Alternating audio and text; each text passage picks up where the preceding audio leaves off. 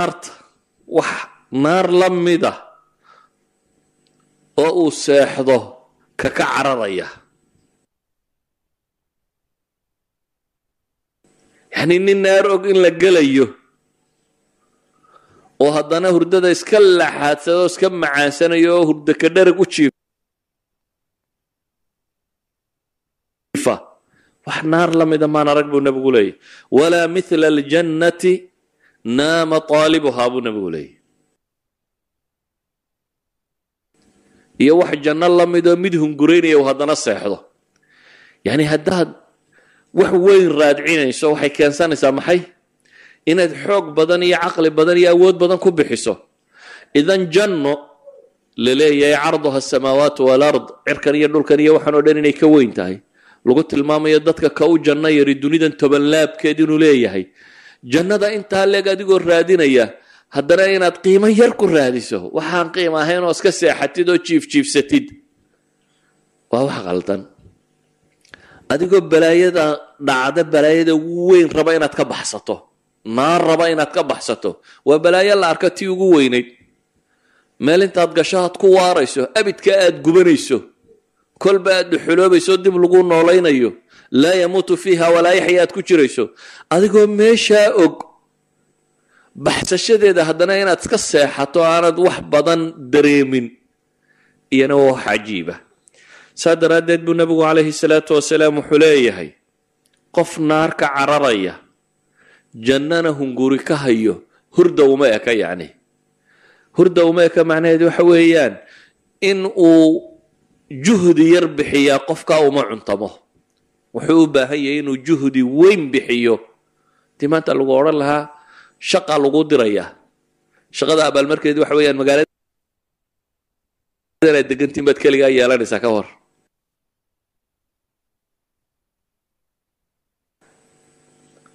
Shaqada magaaladan aad keligeed ku helayso intaad ogosha inaad dhib mudato. Ilan hall city oo wax kasta aqbashid shaqada waxaa laga yaaba haddii lagu yidhaahdo twenty years consecutive aa la wadaya. Inaad tidhaahdo ana laha. Waa tijaabinaya mar haddaan magaalada intaan leeg helayo. Ka waran haddaad janno raadcaynayso maa laa caynun ra'at walaa udunun samicat walaa khatara calaa qalbi bashar tuu nebi maxamed. Calayhi salaatu wasalaam ku tilmaamayo. Waxaana idhi alag oo dhegi maqal oo qalbi bini aadam ku soo dhicin weyni iyo qurux waxay leedahay. Haddii taa hunguriyo juhdiga lagalaga baahan yahay waa intee haddiise beleda ugu weyn aad ka baxsanayso juhdiga lagaaga baahan yahay waa intee alimaam ibnu lqayim raxmat ullahi calayh ayaa wuxuu yidhaahdaa alcaamatu taquul qiimatu kuli mri'in maa yuxsin. Waalkhaasatu taquul qiimatu kuli mri'in maa yatlub. Caamadu dadku waxay yidhaahdaan buu yidhi qof kasta qiimihiisu waa wuxuu wanaajiyo. Yacni shayga uu garanayo wanaajintiisa ayaa qiimihiisu iyo waxaa ka shaqeeyo.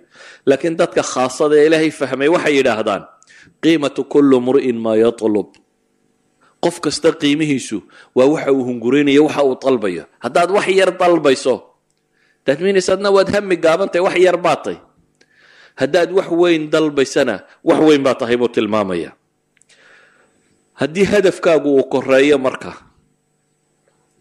caqabaadka ka sokeeya wax fudud bay kula noqonayaan.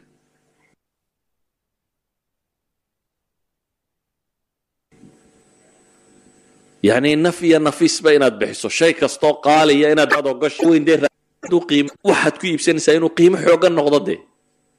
Laakiin shaygu hadduu taafihiyey shay jaban hadduu yahay ma ogolid inaad wax badan ku bixiso. Waxaad rabtaa aadna talaatabaysteen inaad ku qaadato. Qiimo yar inaad ku qaadataa baad doonaysaa saxaabadii nebi moxamed calayhi salaatu wasalaam uu tarbiyeeyey hadaf weyn bay nolosha ka lahaayeen. Wax kasta oo hadafkaas gooya way aqbalayeen inay ku bixiyaan. Qisa waaxidaan idin tilmaamaya imaam albukhaari iyo keyrkiiba soo aroorinayaan. Nebiga calayhi salaatu wasalaam qolaa u timi waxay idhahdeen waxaanu rabnaa inaanu diinta baranno ee cid nagu dar. Nebigu calayhi salaatu wasalaam niman quraa la odhan jiray ayuu ku daray. Toddobaatan nin. Nimankan quraadii waxay ahaan jireen niman habeenkii soo jeeda oo qur'aanka akhriyo oo isbara. Maalintiina masaajidka biyaha u soo dhaamiya. Iyaguna intay xaabo meelaha ka soo gurtaan gato oo ku nool. Niman cibaado u go'ay ayay ahaayeen. Nolosha ka ogol waxoogaa xaabaa intuu soo guro inuu luqmada ceeshka siisto muslimiinta masaajidkoodana inuu caawiyo biyaha u keeno isaguna inuu cibaadaysto u go'ay bay ahaayeen. Kooxdaa toddobaatan nin oo ka miduu nebigu ku daray calayhi salaatu wasalaam inay qoladaa diinta soo baraan. Qolada tani may rabinba in diin la soo baray waxay rabeen inay nebi maxamed khiyaameeyaan oo dadka laayaan. Dabeetana meel dhexe markii la marayey ayaa mu'aamarada loo dhisay. Waraaqda ninkii siday markuu isiri dhiib ayaa xagga dambe mid waran ka geliyey koodii koowaad. Nimankii kalena waa la laayay. Laba nin baa ka baxsadaa la yidhaahdaa. Ilaahay bay baryeen ilah arrinkayaga nebigii gaadhsii calayhi salaatu wasalaam. Nebigu u yimi oo maalma ducaynayo habaarayay qoladii. Maxaan uga jeedaa? Waxaa ka mid ahaa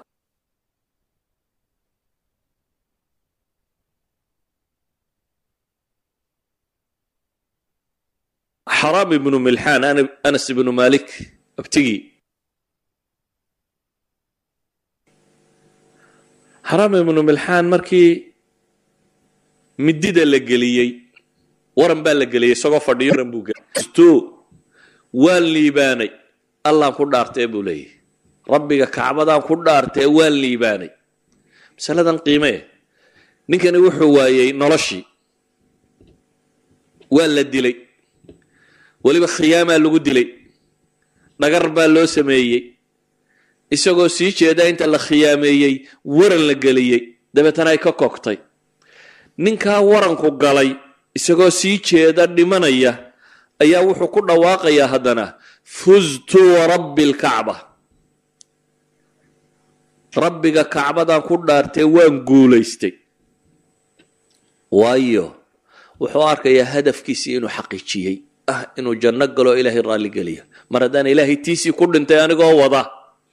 Waan guulaystay buu leeyahy guushaasi wuxuu ku waayey halkan marka la joogo. Guusha thamanuha alxayaa wuxuu ku gatay waa noloshiisa dhammaanteed. Maca dalik wuxuu arkaa inuu guulaystay. Taa macnaheedu waxa weeyaan hadafku hadduu koreeyo saami yahay. Qofku wuxuu ogolaya wax kasta inuu ku bixiyo wuxuu nebigu calayhi salaatu wasalaam inooga warramayay.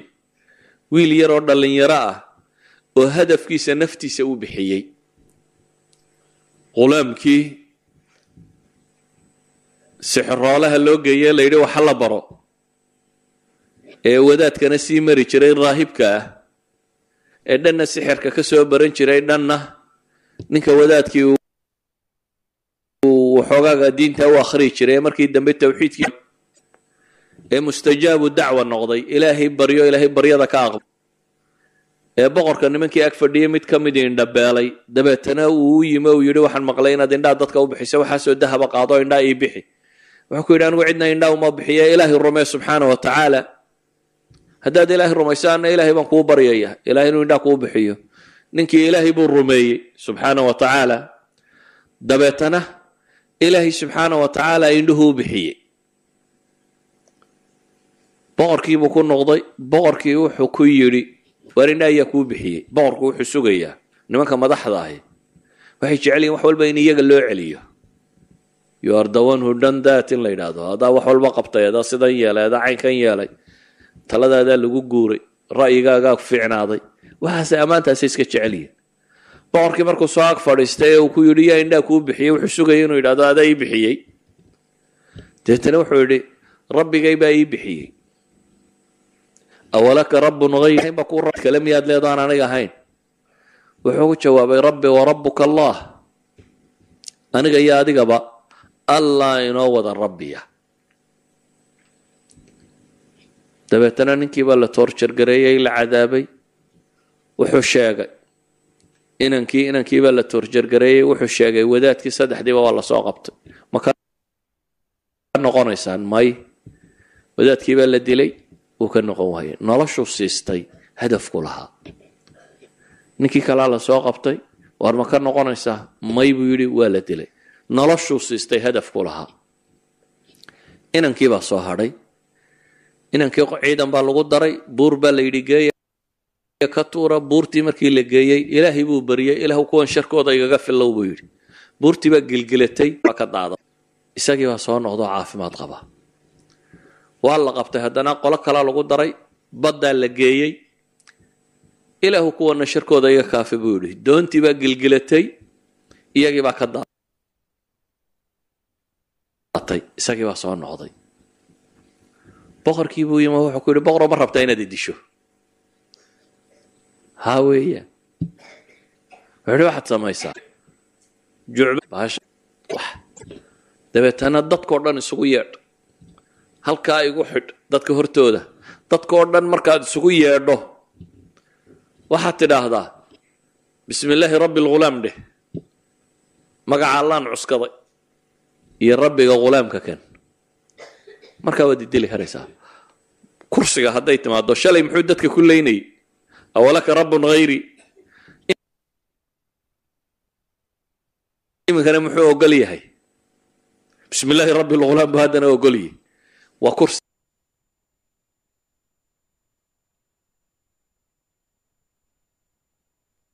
kursigu marka ninka fadhiistaa haddii xagga gaalnimada loo wadana haddaanu ilaahay rumaysnayn waa waa siisanaya. Haddii xagga kale loo wadana waa siisanaya.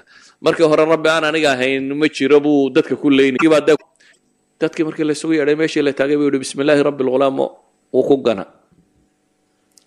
Halkuu kaga dhacda wuu dhintay kii yaraa magaaladii dhammayd way aragtay inankii yaraa in si kale lagu dili kari waayo in bisinka loo qabta mooyaane. Aamanaa birabbi lghulaam bay yidhahdeen markaa magaaladiina. Ghulaamkan rabbigii ayaanu anana rumaynay. Ninkii madaxda ahaa ku soo kogtay marka awal wuxuu islaa kan yar bisinka isku dhaafiye. Bisinkii dad kalaa qabsaday. Dabeetana wuxuu amray. Magaalada dhammaanteed waddooyinka in godod laga qodo dab lagu shido. Dadkao dhan la soo xaadiriyo.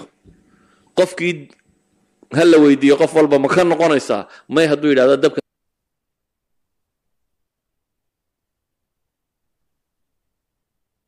Hala gubo. Sidaa ha ku wada dhintaan. Magaaladii dhammayd waxay dooratay inay madhato laakiin aanay tawxiidkeeda ka noqonin. Waa lagu guray lagu guray lagu guray nebigu ilaahay baa kii. Yaa ummaashi fa innaki cala alxaq buu yidhi. Kii yaraabaa dhawaaqo wuxuu yidhi hooyoy sabir xaq baad ku taagan tahay. Islaantiina way aqbasho dabkii bay gashay.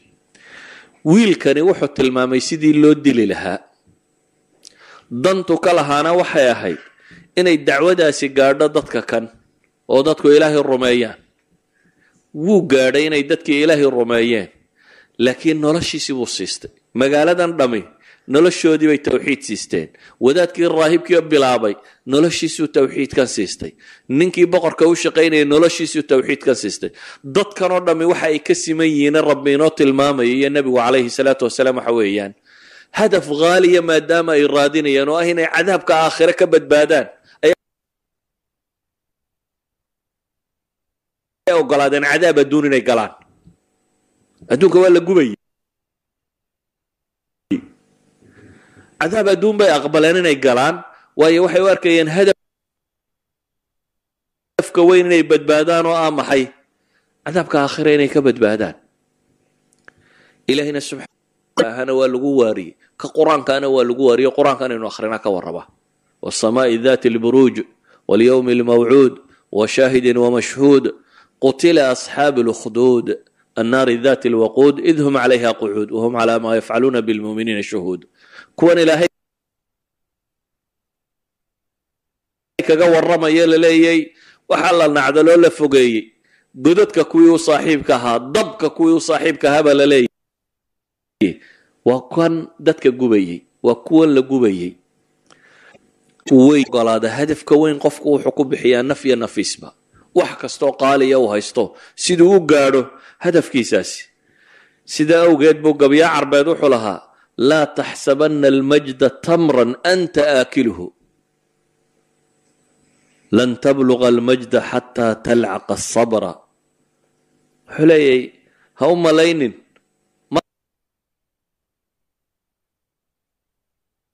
magaca iyo maamuuska iyo sharaftu timir la cunaya inay tahay buu leeyahy gaadhi maysid magac iyo maamuus toona. Haddaanad qadrhaadhka dhadhamin buu leeyahy yacni waxa kaa xiga maxay?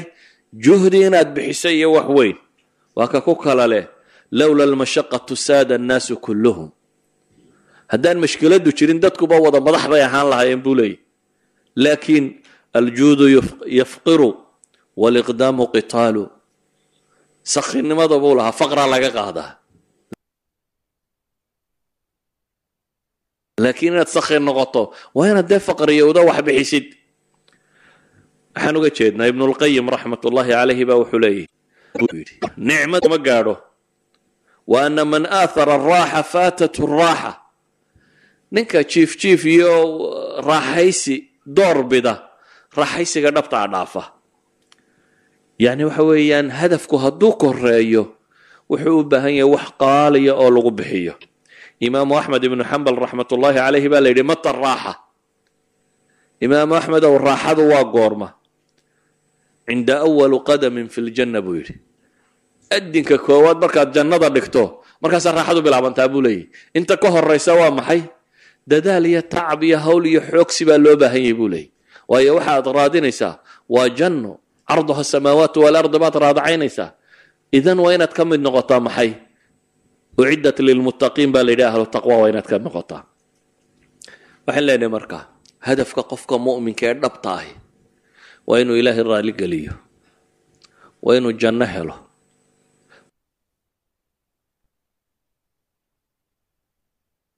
waa inuu naar ka badbaado saddexdani meel bay isugu yimaadaan haddaad tidhahda waa inuu naar ka badbaadaa macnaheed waxa weeyaan waa inuu janno galo haddaad tidhahda waa inuu janno galo waa inuu naar ka badbaado weeyaan ilaahay raalli ahaanshihiisuna dee labadanba waxa midna kaa badbaadiya midna ku gel. Waa in rabbi raalli ka ay waa macno meel isugu yimaada waa waa inuu naar ka badbaadaabaa ka mid a naar haddaad rabto inaad ka badbaaddo waa inaad ka takhallustaa.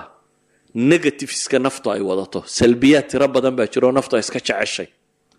Waa inaad ka baxdaa. Uskaga nolosha ay wadato oo dhan. Waa inaad ka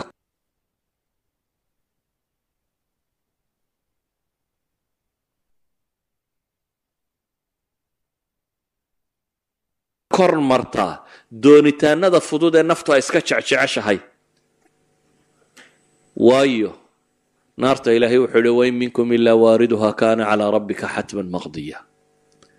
Mid idinka midi ma jiro ilaa iyo naarta wuu u aroorayaa mooyane horta naarta waynu wada gelaynaa.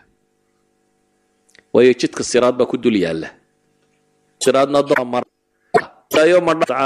ثuma nunaji aladiina taqow wanadaru aldaalimiina fiiha jithiya markii la yidhi wain minkum ilaa waariduha mid idinka midi ma jiro ilaa iyo waa loo soo aroorinayaa naarta oo jidka saraad buu maraya ilaahay wuxuu yidhi humma nunaji aladiina aamanuu intaa kadib baa waxaanu badbaadinaynaa kuwa iimaanka laga helay iyo taqwada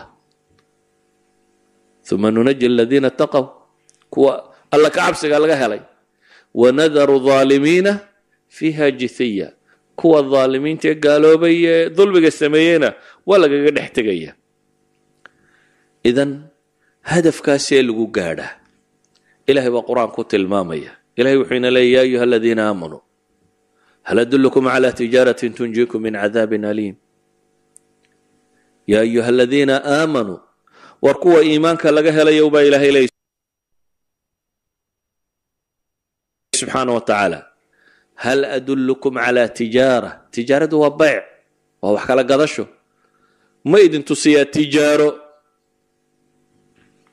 idinka badbaadinaysa cadaabka kulul baa ilahay yidhi subxaana wa tacaala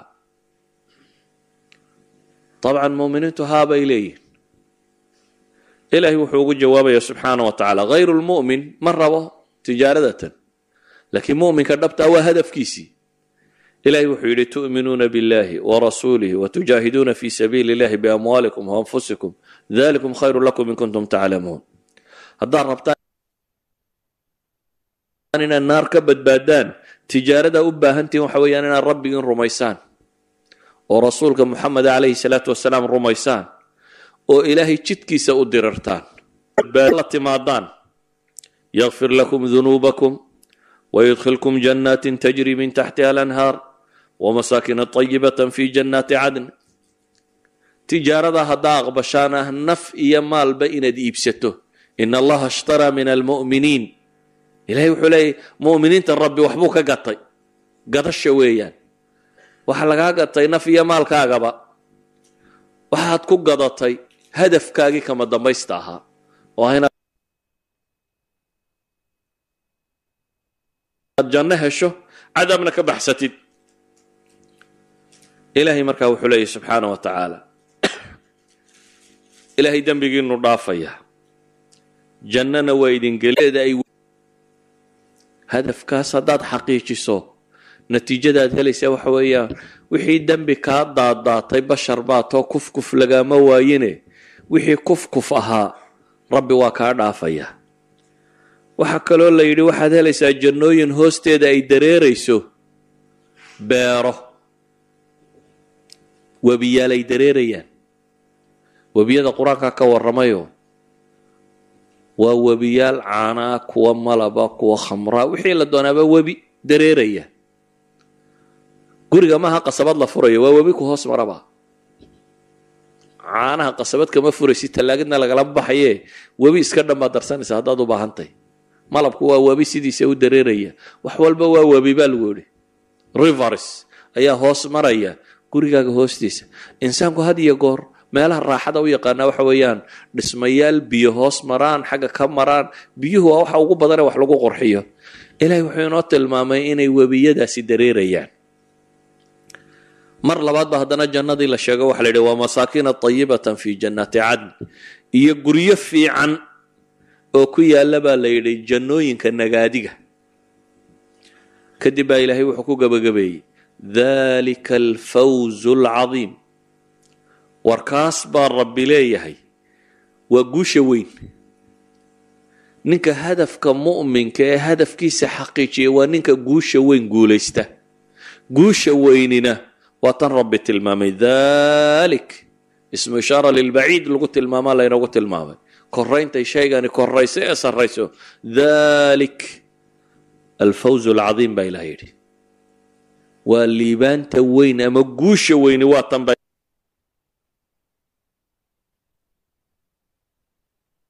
ilah yidhi subxaana wa tacaala. Haddaba waxaa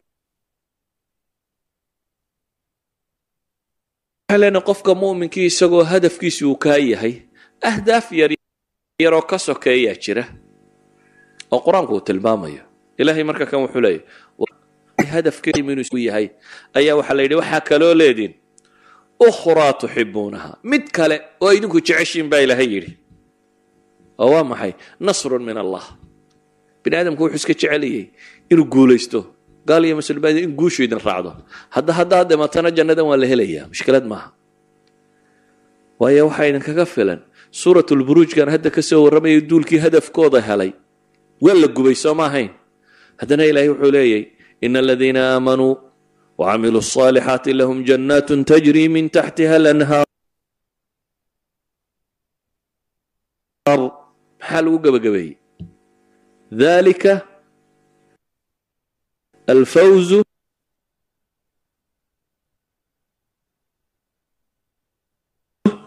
alkabiir haye kuwii la gubay iyagana waxaa la yidhi kuwii damena waxaa la yidhi kabiira bay heleen ay kuma xidhna adduunka inaad nasri heshiyo inaad nasri helin. Inaad adduunka dagaal gasho lagaa guulaystay inaad guulaysato kuma xidhna. Wuxuu ku xidhanya inaad hadafkaaga murtabit ku tahay wax kastoo nolosha kaa soo maraya. Adigoo markaasi miskiinana waad geli kartaa.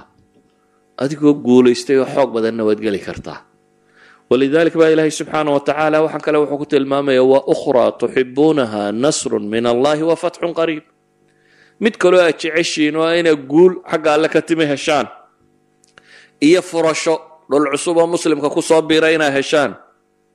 Wabashir ilmu'miniin baa ilah yidhi dadka mu'miniinta uu bushaare. Tijaaraysato. Waxa kale haddaba ahdaaftae nolosha aad ka qabataa waa inaanay khilaafin hadafka weyn masalada kalaaadaan u socda waxa wey hadafkii weynaa ah waxaynu idhi waa rida allah.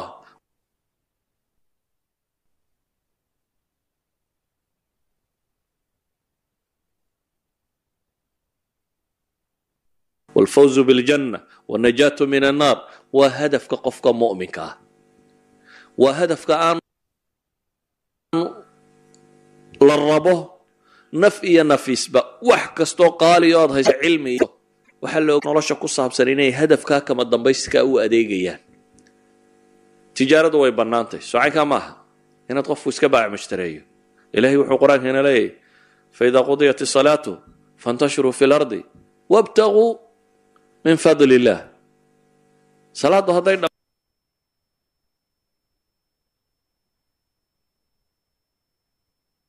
dhamaata baa la yidhi dhulka ku faafo oo raadsada ilaahay maxay? Fadligii aslu tijaara waa bannaantay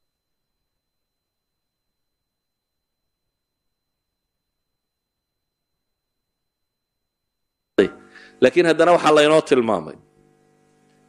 Rijaalun laa tulhim can salaati wa itaa'i zakaa waxaa la tilmaamay kuwa ammaananise inay yihiin rag aanay ka mashquulinaynin tijaaro iyo beec aanu dhaafinaynin ilaahay dikrigiisa salaada oogisteeda zakada la imaatikeeda waayo yakhaafuuna yowman tataqallabu fiihi alquluub walabsaar.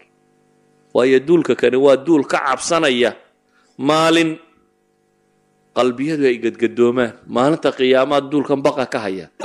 Kale dunida waxbarashadu waa inay noqotaa waxbarasho hadafkaa wax ku tarta.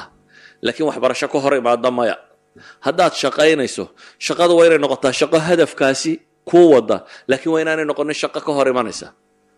Ka hor haddaad tidhahda sheekh shaqadii iyo salaadii baa maxaanu salaada ka yeellaabaa la isweydiinaya dee ma maxaanu salaada ka yeellaaba arrinku ahaa mise maxaan shaqada ka yeellaabay ahayd yacni wuxuu ahaa hadafka dhab tahay salaadan buu ahaa iyo cibaadadana janno lagu socdo. Waxay ahayd in su'aashu tidhaahdo shaqadaa maxaa laga yeelaya? Laakiin dadku su'aashay ku weydiinaya waxa weeyaan. Waqtigii shaqaday salaadu soo gelaysaa sheekh salaada maxaanu ka yeellaa that means shaqadaa muhimkiiya salaadaa maxay? Secondary level joogta markaa. Primaryga uu ictibaarka siinaya waa maxay? Waa shaqadii. Hadafkii waa shaqo. Cagsigay ahayd. Cagsigay ahayd shaqadu hadday salaada ka hor timaado iyadaa fudud ha iska tagto. Salaadaa muhiimsan waayo salaada naar baa lagaga badbaadaa. Salaada jannaa lagu helaa salaada rabbaa raallahaanshiisa lagu gaadhaa haddaad ka tala waayi maysid. Intii laguu qoree hunguri ahayd iyada lama waayayaa la yidhi ama xalaal ku raadi ama xaaraan ku raadi. Badan mayso. Idan waxaan leenahay acmaasha kale shareecada ku bannaan guur baa bannaan carruur in la dhalaa bannaan xoolo in la dhaqdaa bannaan. Laakiin bisharti quray ku bannaan yihiin shardigaasi waa maxay? Hadafkaaga way waa inaanay ku seejinin waa inaanay ka hor imanin hadafkii aad u noolayd ee noloshibaad noloshan waxaad u joogtay inaad ilaahay u caabuddo inaad ilaahay raalli geliso. Qofka markaa hadafkaa u nool ee hamigiisa xambaarsan ee raba inuu xaqiijiyo xataa hadduu acmaasha ku xaqiijin kari waayo niyaddiisaa ilaahay ku abaalmarinaya laakiin waa inuu rabbi daalacdaa inay niyaddu dhab tahay. Inay niyaddu dhab tahay waa in rabbi daalacdaa. Ilaahay wuu ku ogaya inay dhab tahay iyo inaad dees yeelyeelayso hadday niyaddu dhab tahay ilaahay wuxuu ballan qaaday xataa miiniskii duniyad haddaad adigu weydo. Bimujarad niya saadiqa hadduu hadafkaas kuula socday ilaahay ku siinayo hadafku kuu xaqiijinayo. Walidalik buu nabigu wuxuu ley alayhi salaatu wasalaam xadiiska saxiixu muslim ku yaalla man sa'ala allaha shahaadata bisidq ballagahu allahu manaazil ashuhadaa wain maata calaa firaashi. Nabigu wuxuu leeya calayhi salaatu wasalaam qofka ilaahay weydiista shahaada tiisa inuu u dhinto fii sabiili illah qofka rabbi weydiista inuu dhinto laakiin bisidqin weydiisanaya dhab ahaan uu weydiisanaya dhab ka tahay. Ilaahay booska ku siinaya xataa hadduu furaashkiisa iskaga dhinta baa la yidhi.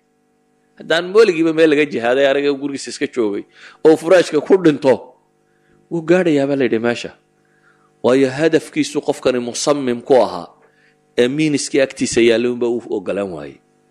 Nabigu calayhi salaatu wasalaam wuxuu tilmaamayaa ina bilmadiinati aqwaaman kana bukhaara wariyey. Tabuuk markii lagu socday tabuuk waa dagaal kulul buu ahaa. Waayo wakti kulul ayuu ku beegmay. Waktigan xagaaga ee khaliijka hanfigu ka dhacee kontonkada ay gaadho ayaa meel bil loo lugaynayo la qabanayay. Adu waxaad qiyaastaa khaliijka oo khamsiinaadkii ku jira fifty degree centigrade ay marayso oo bil la lugaynayo haddana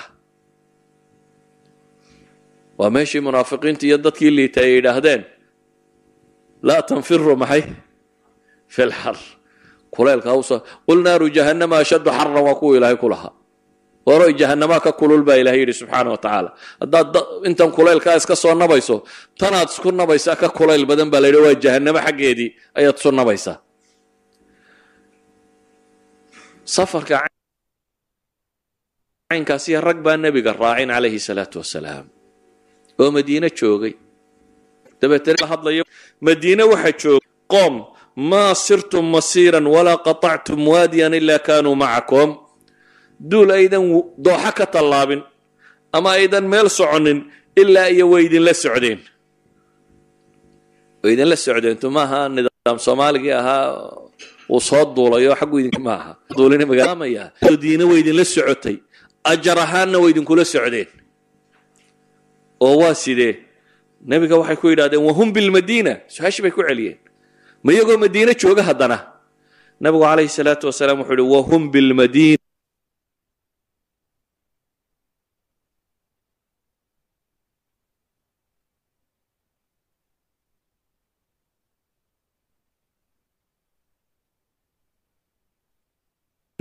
xabasahum alcudru riwaayaadka qaarkoodna xabasahum almaradu cudurdaar baa reebay waa bukeen waa hanti waayeen ay ku baxaan waa tamar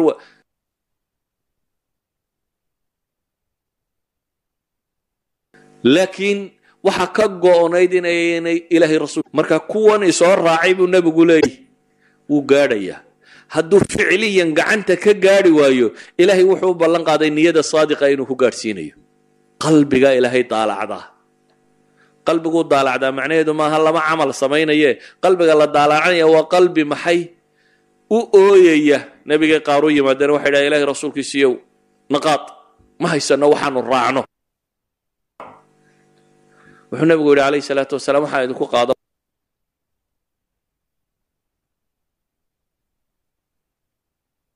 hayo. Dabeetana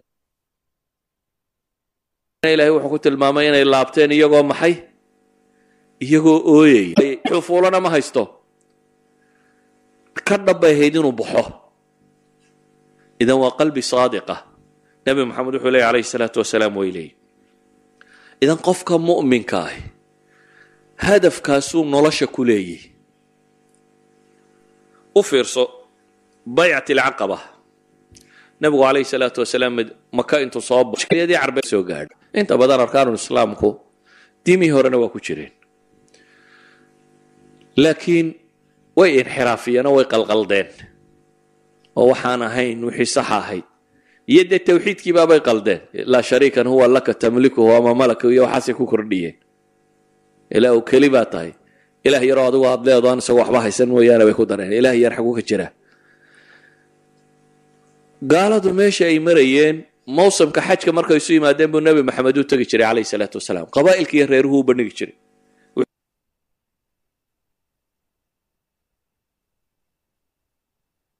wuxuu weydiin jiray man ya'winii wayansurunii xataa ubaliga risaalaat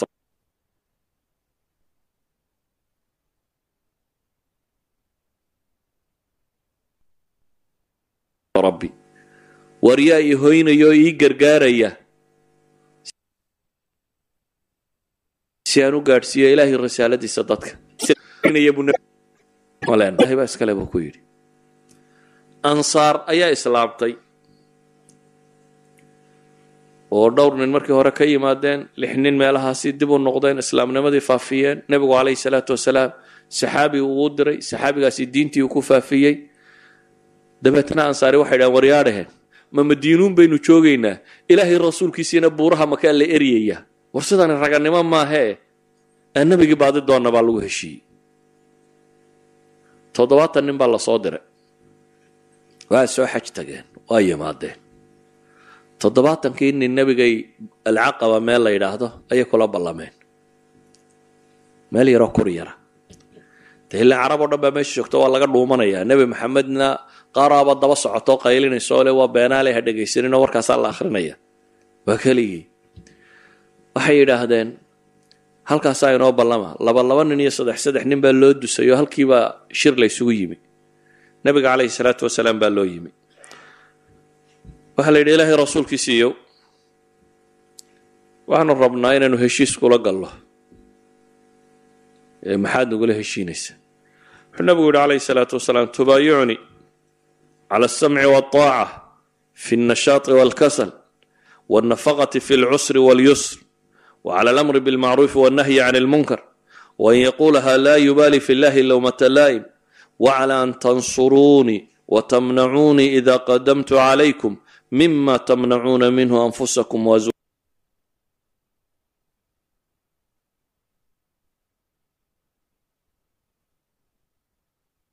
azwaajakum wa abna'akum walakum aljanna nabigu wuxu uhi calayhi salaatu wasalaam heshiis igula gala waxaa ballan igula gashaan inaa maqlaysaan oo i adeecaysaan marka la firfircoon yahay iyo marka inaa waxbixinaysaan marka wax la haysto badhaadhaha la joogo iyo markay noloshu cidhiidhiga tahayba. Qofka muslimkii mar kasta waxbuu bixiyaa. Wuxuu bixinayuunbaa kala badan markuu wax yaraystiyo wax weyn lakiin mar kasta waxbuu bixiya inaa mar walba wax bixinaysaan. Inaad samaha dadka faraysaan xumahana ka reebaysaan. Ilaahay dartii mid wax canaanta inaydan uga kaasi iyabuu nebigu ku yidhi inaa ii gargaaraysaan inaa ii hiilinaysaan oo iga celinaysaan waxaa naftiinna iyo haweenkiinna iyo caruurtiinna sida u difaacdaan si la mida inaa ii difaacaysaan. Waxay idhahdeen maxaanu leenahay? Walakum ljanna buu nebigu yidhi. Waxaynu wax ku kala gadanaynaa waa kaa. Ilaahay diintiisa inaa u gargaartaan. Idinkuna waxaa abaalmarkeeda leedihin maxay janno waxay is idhaahdeen baycada heshiiska nebiga la galoo ninkii ugu yaraa ascad ibnu zuraara la yidhahda yidhi waar suga sugaan saaray war waxaa laydin yidhi ma maqlaysaan. War nebi maxamed haddaa qaadataan carab oo dhami dhan ba idinka wada mari dagaal baa laydinku wada qaadi noloshu way adkaan doontaa waa qadhaadhaan doontaa. Waar iminkaa cudurdaar helaysaan ha isku qaadina ballan. Ama rag noqdoo idinkoo og badheedha oo badheedhihiina caddaysta oo dhaha dadoo dunidao dhamme hadday isu tagto waa ka hortegaynaa. Badheedhaha iminka caddaysta. Haddii kale buu yidhi arrinka kani ma fudude eh. Ogsoonaada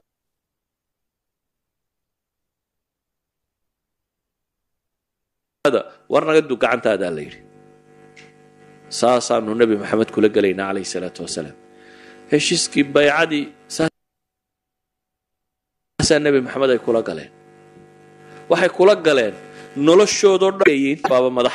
Maya naf iyo nafisba iyagoo waayo dantay lahaayeen ma ahayn inay madax noqdaan. Dantay lahaayeen ma ahayn inay xoolo helaan. Xunayn baa la yimo xoolihiina waxaa la siiyey. Kuwa imika soo islaama iyo qaar hadda gabayaay oo meesha jooga iyo waxaasuu nebigu boqol boqol halaad siiyey iyo qaar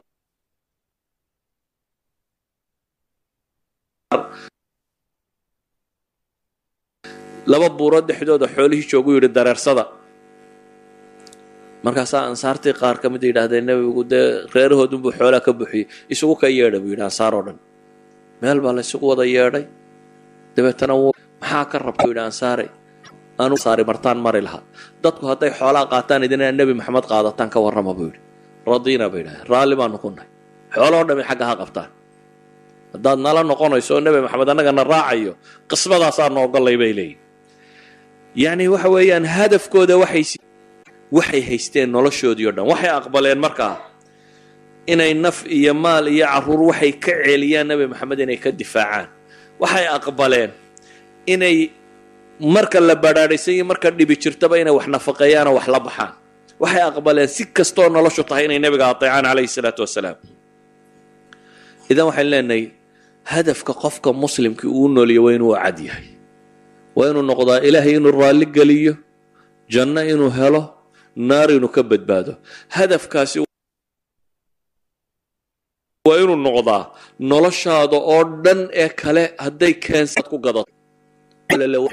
Haddii kaloo dhame wax qiimale ma leh.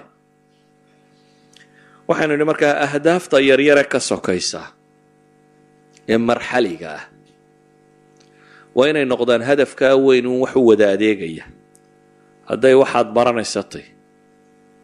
Diin baad baranaysaa. Danta koowaad aad ka leeday waxa weeyaan inaad adigu badbaado maaha inaad dadka sheekh u noqoto. Danta koowaad aad ka leeday diinta barashadeedu. Waxa weeyaan sidii aad naar uga badbaadi lahayd jannana u geli lahayd. Ayuu qofku diinka u bartaa. Marka labaad buu wuxuu tijaabiyaa inuu ilaahay dadka ugu yeedho.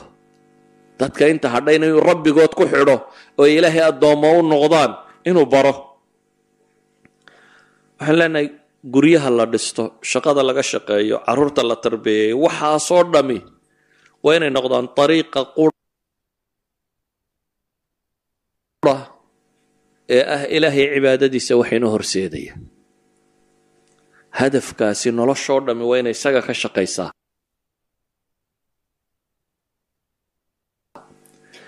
Hadafkaa markaad xaqiijisana ammaanta kama dambaysta bini aadamku kamaalkiisu waa alcubuudiya lilah bini aadamku kamaalkiisu waa halkaa. Markuu dhammaystirmaa waa markuu xaqiijiyo wixii loo abuuray. Waxaa lagu abuuray waxay inaad ilahay caabudo wamaa khalaqtu ljina walinsa ila liyacbuduun wixii shaqadii laguu abuuray marka aad qabato markaasaad kamaalkii gaadha wax kasta koobkan waxaa loo samaystay in wax lagu shubto. Marka lagu shaqaystay wax lagu shubto koobkani shaqadii loogu gutay waa ammaanan yahay marka. Insaanka waxaa loo abuuray inuu ilaahay caabudo. Walidalik baa qur'aanku markuu addoomaha ilaahay ka waramayo ambiyada waxaa lagu sifaynayaa wixii ay risaalo sideen oo dham inay masalada ahayd.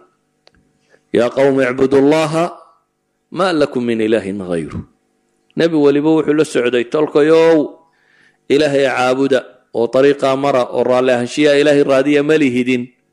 Ilaahay hayrkii waxaa caabudaane ilahayna qur'aanka wuxuu inoogu tilmaamay mas'aladaa inaan laga santaagi karin. Bal e saalixiintu lan yastankifa almasiixu an yakuuna cabdan lilah baa ilahay yidhi. Ciise almasiix nebi ciise kama santaagaya baa ilaahay yidhi inuu noqdo cabdan lilah ilaah weeyaan iyo inan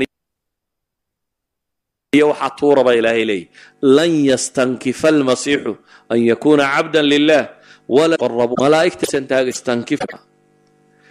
ciddii kibirta ee santaagta baa la yidhi. Kibir de waa ilaahay cibaadadiisa inaad diiddo ayuu ku dhan yihi miskiin baa ninkaa hebel waa miskiin miskiin maa hadduu salaada tukan waayo waa nin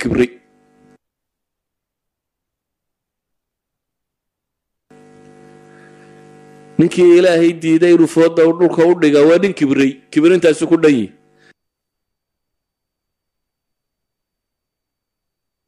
ilaahayna wuxuu leeyahay waman yastankif can cibaadatihi wayastakbir baa cibaadadiisa iska weyneeya ilaahay baa aakhiro soo xaadirin baa la yidhi iyagoo darro quraanyo laaleeg baa la yidhi kuwii kibri jiray oo khalqiga ilaahay ku tumanaya aakhiro la keenaa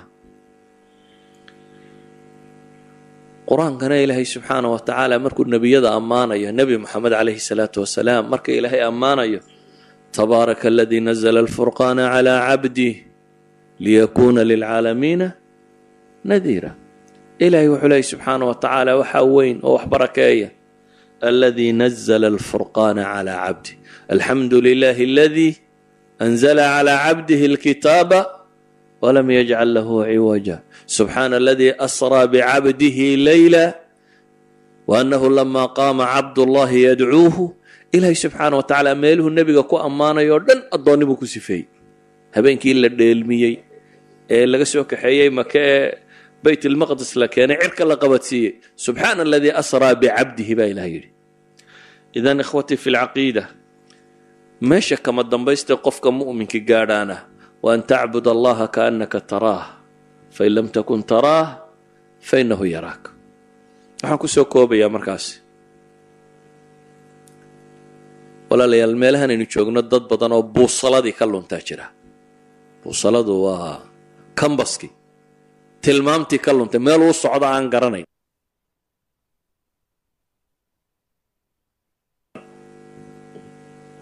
qofkii cibaadada rabbi seegaa meel uu socdo ma garanayo. Waa qof lumay. Noloshuna hadday rabbigeed garan weydo waxba maaha. Weligeed ba hala dhaldhalaaliyo ka waran haddii markab inta halkaa la soo taago waxa la cunoo dhan lagu guro la qurxiyo wax walba laga dhigo dad la saaro.